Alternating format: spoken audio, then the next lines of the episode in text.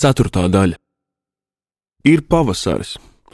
Kokiem saplaukušas lapas, bet nāves salā gandrīz nav koku. Citus nokāpājuši ziemā krievu un vācu cirģi, citiem aplauzušas galotnes un zarus lielgabalu granātas. Viņu kailie stumbri ceļas pret debesīm kā draudošas, neapraktu miroņa rokas, un tikai ap māju drupām redz vārgus krūmus, kas nevar izšķirties vai lapot, vai vērt ziedus, vai nīkuļot un kalst. Nāves salas vidū pie mājām, no kurām palikusi vesela tikai aka, ložu apskrambāts zaļo ievu krūms. Viņš vakar uzziedējis, un Miķelsons tam iedams garām bija norāvis un atnesis līdzi veselu zaru, pilnu lapu, ziedu un vēl neplaukušu zaļganu pumpuru. Zars smaržoja saldi un reizē rūkti, un no viņa lapām dvašoja savāds, sērīgs svaigums, kā aizmirstas dzīves dvaša un zudušās laimes atcere. Maz te redz zaļojam arī zāli, un liekas, it kā dzīvības zaļums vairītos no nāves dvašas un miroņa tuvuma. Daugamalā radžu klints, tālāk iekšā kaļķains pliens, vietām māls, vietām smilts. Pašā vidū pašā pozīciju starpā ir palicis pērn nenokopts rudzu lauks. To izkūlis un pasējis no jauna rudens vējš, iebirdinādams turpat zemē graudus un likdams arī šogad te zaļot priecīgajam maizes labības zaļumam. Šai zaļumā neapnīk skatīties tiem strēlniekiem, kas paši staigājuši pļāvēju un sējēju gaitas. Smaidošiem skatiem tie vēro un glāsta rudzu lauku, un viņā veroties uz brītiņu tiem izdziest sejās cietais skaudrums, ko ievilkusi apziņa, ka tepat dažu desmit soļu attālumā glūna savos grāvjos paslēpies ienaidnieks. Aiz šī tuvuma vainas te tikai naktīs var strādāt un staigāt, bez drošām izredzēm dabūt lodi galvā, un nakts mums aizvietojusi dienu. Ir rotām, kas tumsā vēro pozīciju darbus un gatavo āžus, tos dienā apīdamas dzeloņdrātīm, lai naktī iestājoties varētu aizsprostot no vācu puses ceļu uz mūsu ierakumiem.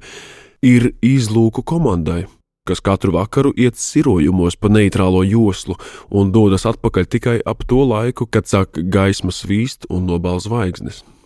Šie nakts sirojumi mūs sagrābuši varā, jo viņos paslēpts savāds burvīgums, un tumsai tuvojoties, mēs kļūstam pilni sprindzīguma un gaidu, un gausāk nekā parasti velkas laiks no vakarkrāslas līdz tam brīdim, kad rotu ierakumos sāk skanēt lāpstas un kapļi, dzeloņdrātis un klusas valodas, un mēs taisāmies iet lūkot, ko dara ienaidnieks. Taisnība sakot, mēs to zinām no galvas, un no viņa grāvjiem nāk tās pašas skaņas, kuras dzird pie mums, un tomēr katru nakti mēs it kā dzirdam viņas pirmo reizi un nekad mums neapnīk viņās klausīties, sasprindzinātu dzirdi, tumsā urptiem skatiem un lēcieniem savilktiem locekļiem. Skolā mēs smējāmies par biedriem, kas mēdza lasīt vecmodīgos kūpera romānus un devējām viņus par sarkanēdām. Tagad mēs tā vairs nedarītu, jo mūsu pašus tura savā varā cilvēku medību romantika, un mums nav spēka no viņas burvības vaļā tikt.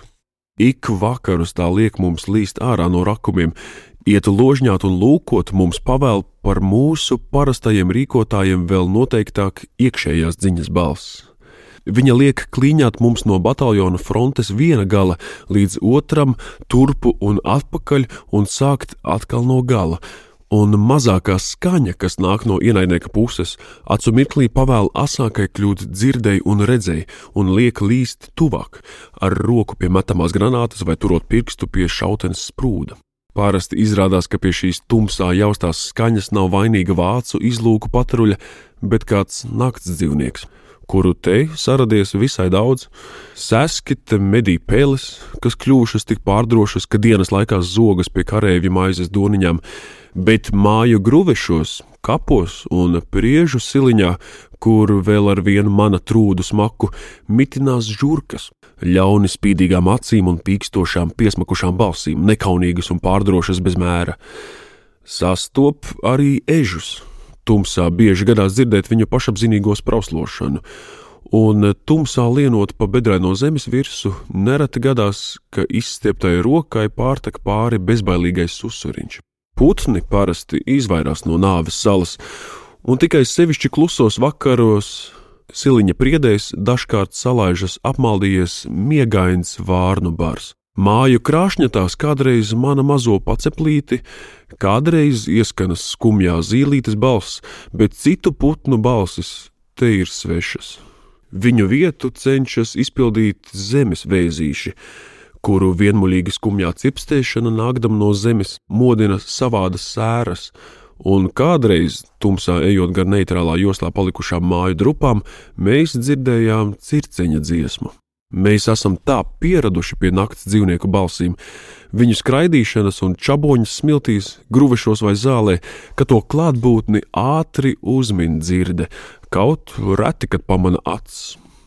Arī viņi savukārt apraduši ar mums un mūsu gaitām, un domā, ka lielos divkājienos zvērus dzen staigāt apkārt izsalkums vai mīlas prieks. Dažreiz tomēr instinkts ašāk par dzirdi nojauš briesmas, un tad mēs pieplokam zemē, gatavi cīņas lēcienam. Nācēji cenšas iet pēc iespējas klusi, bet šad un tad iebrikšķis kāds sakaltis priedes vai bērdzazars, ieņirkstas ķieģeļu vai kaļķu drumsla, iešalkojas zāles stiebrs. Dažreiz nedzird no šīm skaņām nevienas, un tomēr mēs jūtam, ka pa neitrālo joslu staigā ienaidnieks. Pēc iespējas ātrāk tam sānos vai aiz muguras, jo viena pati rokas granāta sviesta no mugurpuses iespaido vairāk nekā trīs no priekšpuses, un bēglis, kas vairās no sprādziena, visātrāk tad ieskrien lamatās. Gadās, ka iekrītam lamatās arī mēs, tad mūsu rindās rodas robi, kas ātri aizpildās, jo no rotām nāk kritušo izlūku vietā jauni nakts gaitu talcinieki. Kāda no šīm gaitām, vai pareizāk sakot, viņas sekas diena, man iespiedusies atmiņā. Silta māja nakts bez mēnesnīcas un bez ēnām, un debesis ir aizseguši tumši padebešu pulki. Kaut kur tālu zemgales apvāršņa malā šad un tad atmirdza rūsa, kā paceļoties ļauna milža plakstiņiem, Tad virs pakalniem pa kreisi, kas slēpj vācu baterijas, debesu lokus uz mirkli kļūst iesarkans, bet tūliņ atkal dziest, palikdams vēl tumšāks, un tumsā no jauna pazūd visu priekšmetu kontūras. Tādā naktī var bez raizēm aizkļūt līdz pašām vācu drātīm, un mēs nevilcināmies to darīt, jo vairāk tāpēc, ka tas nolemts jau dienā. Mūsu priekšniekam satiekoties pie komandas blindāžas ar otrās rotas komandieri. Jurēvičs, viņš saka, šonakt būs priekš tevis ļoti labs laiks. Palūko izpētīt, kur īsti tagad stāv pret mūsu labo flangu jaunais vācu postenis. Kapteinis runā tālāk, skatīdamies mūsu priekšniekā savām lielajām ērgļa acīm, kustīgs un straujušs. Mēs vērīgi klausāmies virsnieka runā, un virsēržants zirnis, laizdams pāri mūsu sejām pētošu skatu, jau domās sācis izspriest, kam šonakt jāiet sirot un kas paliks mājās sildīt gaisu. Komandas priekšnieks klusē, vērodams vācu ierakumus, un asis skaidras kļuvušas tā brūnās acis, kurās parasti gaila jautras uguntiņas. Labi, viņš beidzot atsaka vēl ar vienu skatīdamies uz ienaidnieka tranšēju pusi, kuras iepratī mūsu labajam flangam aizsniedz Daugavu. Biju jau pats par to domājis, jo gribu zināt, kur tagad pēc vecā nocelšanas tie sākuši novietot savu jauno posteni. Lūkošu tev rītu to paziņot. Lūdzu, kapteinis atvadīdamies ceļu roku pie cepures un pazuda, steigdamies uz centra ierakumiem. Viņš vienmēr steidzas un iet lieliem soļiem, lēkdams pāri satiksmes ejām un grāvjiem. Priekšnieks noskatās tam pakaļ, tad griežas uz mūsu pusi, un viņa sejā, no kuras pat eh, ziemas gaiss nav spējis izdzēst jūras vējos eh, gūto brūnganumu, iegūlies smaids. Nu, puikas, viņš saka, šonakt iesim fričus apciemot. Pievakarē esiet gatavi! Viņš aicina sev līdzi virsseržantu un iet pa labi, lai vēlreiz pie dienas gaismas novērotu vācu ierakumus un vietas, kur naktīs varētu būt jaunais postenis. Nakts ir bez mēnesnīcas, no Daugavas kūpēdama ceļas migla, un ūdens zem viņas segas vairs nav saskatāms. Tikai dzird, kā piekrastes radzēs atsisdamies skalojas slinkie upes viļņi. Tādā naktī labi meitās iet, un labi arī izkauties, filozofē Konrāds, pacēlis galvu un vērodams tumšos padebešus. Lāgā neiezīmēs seju ne meita, ne policists, un tā tu vari justies drošs no alimentiem un no sēdēšanas. Muti ciet, zirnis ierūces. Ja ne, dzīšu atpakaļ uz rotu. Un Konrādam pārtrūkst filozofēšanas pavadiens, jo šonakt tas nācis mums talkā, un ierasties jau drīz pēc tumsas iestāšanās atpakaļ rotā viņam kauns. Klusi kā veļu kamoli mēs izlienam no ierakumiem un vispirms ejam apraudzīt Daugomalas bedri, kurā viņa nakt atradās vācu postenis. Mūsējie viņu saņēma ciet, un vācis šai nelaimes vietā nav stādījuši jaunus sargus, bet droši palikt drošs kārtības dēļ mēs lavāmies uz bedres pusi. Ir tik tumšs, ka skaidri var samanīt tikai tuvāko biedru augumus, un arī tikai tāpēc, ka acis apradušas ar nakts gaitām. Attālākie nav saredzami. Kaut gan mēs jūtam viņu elpošanu un vieglos izlūku soļus, zem kuriem retumis iečabas kāds zāļu puduris. Bedrī tukša un gājuši tai apkārt mazu līkumu, mēs sākam lēni zakties gar vācu aizsprostojumiem. Vācu pusē viss ir klusu, un mēs topam arvien drošāki, un tagad lienam tieši gar viņu āžiem, kas rūpīgi notīti dzeloņdrātīm, un dienvidos atplauksnījoties rūsas sarkanumiem liekas, ka kokus aptinuši milzīgi zirnekļu pavadieni. Kur gan varētu stāvēt jaunais vācu postenis? Mēs mēmi taujājam sevi un citus, un atbildes nav, un aiz vācu āžiem nemana dzīvības. Būs aizsnaudies! Vilnis iedams man blakus tikko samanāmi iedvež ausī, klusi sakustas man lūpas, dodot atbildi, tad jau mēs manītu krāpšanu vai šņākšanu. Ja te būtu kādas apdzīvotas mājas, varētu domāt, ka friču sārgi aizgājuši skuķis apciemot jau stiprāk ieminas Konrāds, bet tūliņ ierauj plecos galvu, dabūjis belzienu sānos ar Vinčestera laidi. Šeit ir skuķis, purva velns, iešņācas neredzama balss. Ja tūmā nav friča, tad tas nenozīmē, ka katram muļķim brīvi pļāpāt, kas tam uz mēles un sirds. Konrāds neatbild, bet šņagdams kāpj uz priekšu, un klusums, kas valda ap mums, ir tik liels, ka kaut kur tūmā sāk cirpstēt zemes vēzītis un bezgala viegla un reizē savādi baiga skan dienā nemanāmā dzīvnieciņa balss, nākdama no apakšzemes un kā aicinādama tur lejā kāpt. Tad mēs apstājamies un klausāmies atkal. Un tik vērīgi un asi, ka uz mirkli nav pat samanāma blakus stāvošo elpošana. Vācu pusē viss ir un paliek klusu, un arī pēc tam, kad priekšnieks sagrābis kādu āzi aiz koka kājas un paraustīs, lai pārliecinātos, vai drātis skan. Tikko jaušama metāliska skaņa, tik klusa, ka liekas, to radīs naktstauriņa spārnu pieskāriens. Mākoņu saga kļūsi vēl biezāka, ratumis mana atsargstam rūsu, un sērīgi baisa skan pavasara nakts tumsā zemes vēzīša balss. Tad mēs, kā gājuši ķēdē gar vācu aizsprostojumiem, pagriežamies bez komandas uz āžu pusi un ķeramies pa divi klāt.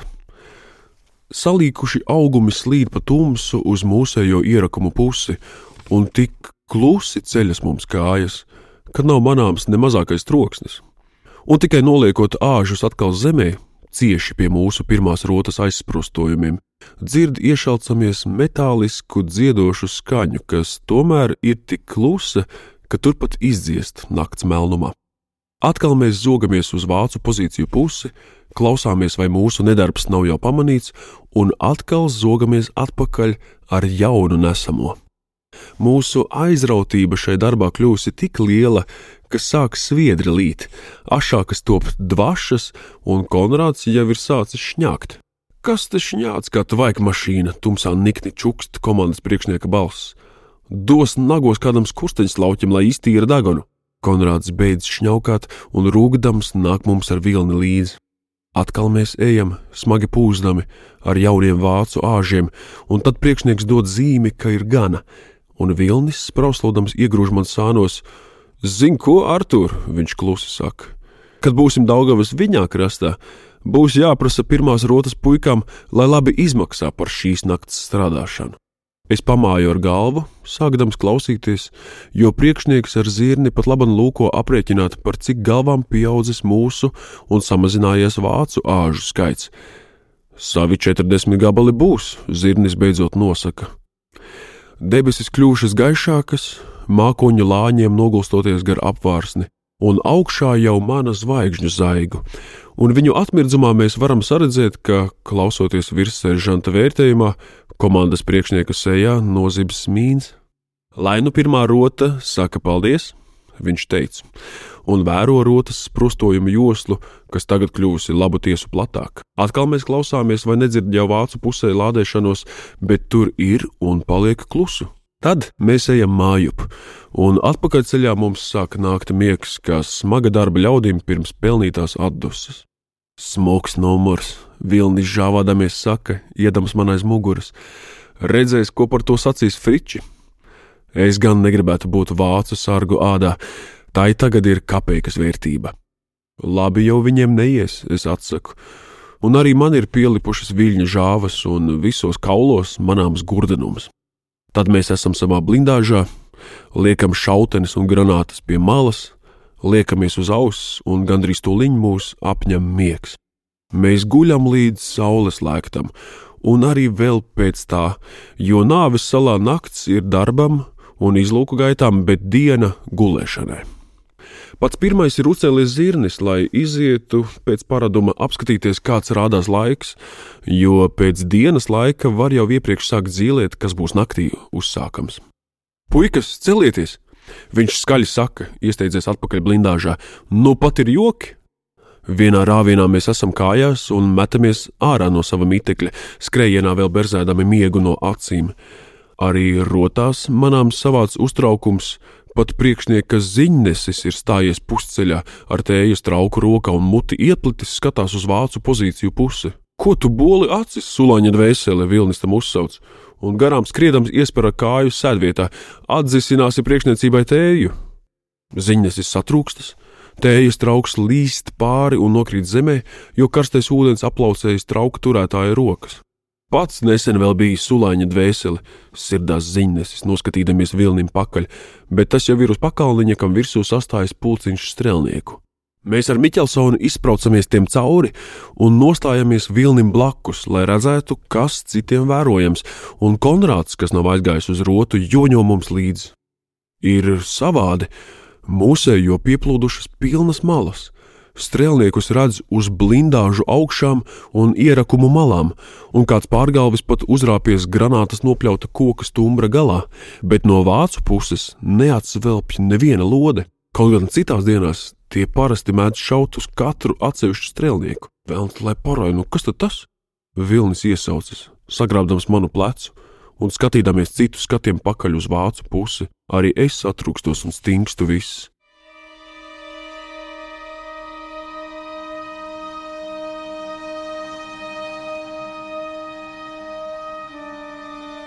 Uz vācu ierakumu malas, ar muguru uz mūsu pusi, stāv pilnā kaujtarpā vācu kareivis bruņcepuri galvā un šauteni uz pleca. Viņš stāv nekustēdamies un liekas sastindzis, un izmiruši liekas ierakumi zem tā kājām, kaut gan šaujamajās lūkās pamirdz viena otra acis. Līdz vācu tranšējai un tai vietai, virs kuras stāv kareivis ar šauteni, labs sviedējs varētu aizsviest akmeni vai granātu. Pat sievietes raidītāji lodēta vajag ķert mērķi, un tomēr mūsējie stāvs sastinguši, un nevienam neizstiepjas roka pēc šautenes. Tas par tiem āžiem Konrāds nožāvājas, un mēs ar vilni smagi atņemam elpu. Tiešām, nu cits tas nevar būt kā nelaimīgais sarkarēvis, aiz kura vainas vāci pagājušajā naktī zaudējuši savus āžus. Diezin kā tam puisim tagad ap sirdi, Vilnis klusi saka, vēl ar vienu nelaizdams vaļā manu plecu. Varbūt jau palicis puses sirms, katru mirkli gaidīdams lodi mugurā. To viņš tūlīt dabūs. Miķelsons nikni nospļaujas cauri izšautajiem priekšzobiem un izspraucies strēlnieku pulciņam cauri, sāk iet uz mītnes pusi. Pāris lēcienos vilnis tam ir aizstājies ceļā. Nekur tu neies, viņš iesaucas, cieši skatīdamies čiekur kalnietiem acīs. Nemaisies pa kājām, vēlna pistole. Miķelsons iešņācis. Mēsdamies sānis un reizē laizdams roku uz zābaku stūma pusi, kur aizbāzts tam glabājas tutenis. Citādi tava blūze paliks par vesti un vēders ar. Neiebiedēsi, Vilnis teica, vēl ciešāk aizstādāmies Miķelsonam priekšā. Nē, esmu jau lauķis, pašam nāzis līdzi, bet Fricis paliks. Kur bijis? Ķildās steidz iejaukties kā prālis lapiņš. Puikas, iztieciet bez fiskariem un asins izliešanas, viņš saka, neizlaizdams no zobiem papīrus.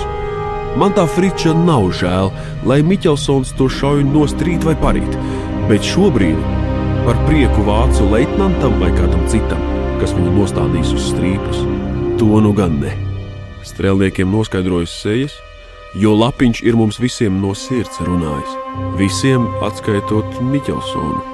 Kaut arī tam jau sākušas saplakt dusmas, kas ātri nāk un iet. Lai izgāztu niknuma palikumu un reizē slēptu citiem, kad tas mazliet apjucis, viņš sāk gānīt vilni. Atradies, Ernu hūtiet! Miķelsons mēdīdams saka. Laikam gribi karot pēc bībeles? Un kad Fricis tev gāzīs pa ģīmi, tu teiksi danke un pagriezīsi ausi vai pakausi? Tuh. Viņš aiziedams uzspļauj vilnim uz zābaka. Tev īsta vieta Baptistu sajiešanas namā, ne strēlniekos. Vilnis viss salacis no apvainojuma, bet valdas Redzēdams, ka tuvāk stāvošie strēlnieki smīna, viss rāda, ka viņi smīna par čiekuru kalnieti, nevis apspļauto viļņu zābaku, un manam draugam lēni izgaist no sejas dusmu nobālums. Ko viņš kasās? Vilnis pukojas par Miķelsonu.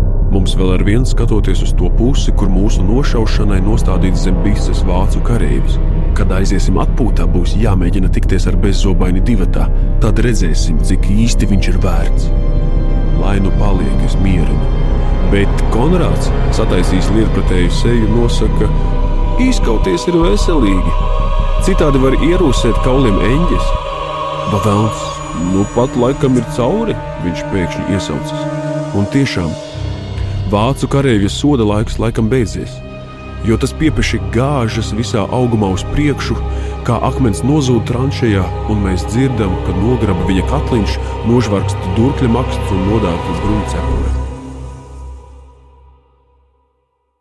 Varbūt palika bez elpas, ieminas kāds izlūks. Konrāds ņirgādamies nosaka, nekā mīlīši, tas zellis aizjoza pie manziņa pēc jaunām biksēm. Vācu tranšējās pēc kareivja pazušanas iestājies vēl lielāks klusums, un tad to pārtrauc gaviļbrāzma, Bravo, Leten, bravo! Skat, nu, vai tie nav dulni? Paši rāda teāteri un paši aplaudē. Rājas mazais mīnmetēju seržants Dambis, kas eh, godam valkā nāves salas vēlna nosaukumu. Viņš mazliet atgādina savu vārdu brāli arī skata ziņā, un ir pats pārgalvīgākais vīrs bataljonā, kam dienu un nakti prātā domas, kā sagādāt vāciem lielākas raizes, kā tos cūkot un izjokot. Tagad mēs uzstāsimies ar savu izrādi. Dambis nosaka, un teciņus laižas uz žīdu kapu pusi, kuru malā guļ paslēpts mūsu mīnmetējs. Nu pat fričiem ies plāni, Konrāds priecājas, un e, tiešām pēc brītiņa sāka gārdziļot gaiss, Kaut kas aizkrāts uz vācu ierakumu pusi un pēc smaga nodunējuma virs tranšējas, apmēram tajā vietā, kur stāvēja sodam liktais kareivis, izšauj uz gaisā liels dūmu un zemes staps, kam līdzi lido mieti un dēļi, un Konrāds steidzas apgalvot, ka šis redzējis arī rokas un kājas un bezgalvainus augumus. Vācu grāvjos atskan lamas, viņi sāk nikni šaut, mēs klūpam savos ierakumos, pa kreisi tarkšķis ložmetējs, un tam atsaucas arī citi vienā un otrā pusē. Draudz sākties nikna ugunskauja, jo atsaukdamās dambja laisto mīnu sprādzieniem, kas ārda vācu ierakumus, iesāk šaut viņu baterijas. Nu pat metas karsti. Būs jālaižas uz rotu, Konrāds nosaka, gulēdams mums blakus aiz traversa, kura virsū kā pļaujmašīna pļauj vācu ložmetējs. Citādi virsseržants atkal rāsies, ka blandos apkārt bez viņa ziņas. Šaušana stājas, baterijas beidz strādāt, un retākiem kļūstot šauteņu blīkšķiem, apklust arī ložmetēju balsis. Mēs ejam atpakaļ uz komandas blindāžu, bet tēvs man neiziet no prāta, un pēcpusdienā es eju viņu apciemot. Izskanēja romāna Dvēseļu putenis, ceturtā daļa. Fragmentus atlasīja Dzintars Dreibergs, mūzikas autore Lolita Ritmanis, skaņu režisors Ivo Tauriņš, producente Māra Eglīte, lasīja Raimons Celms. Latvijas radioteātris 2019.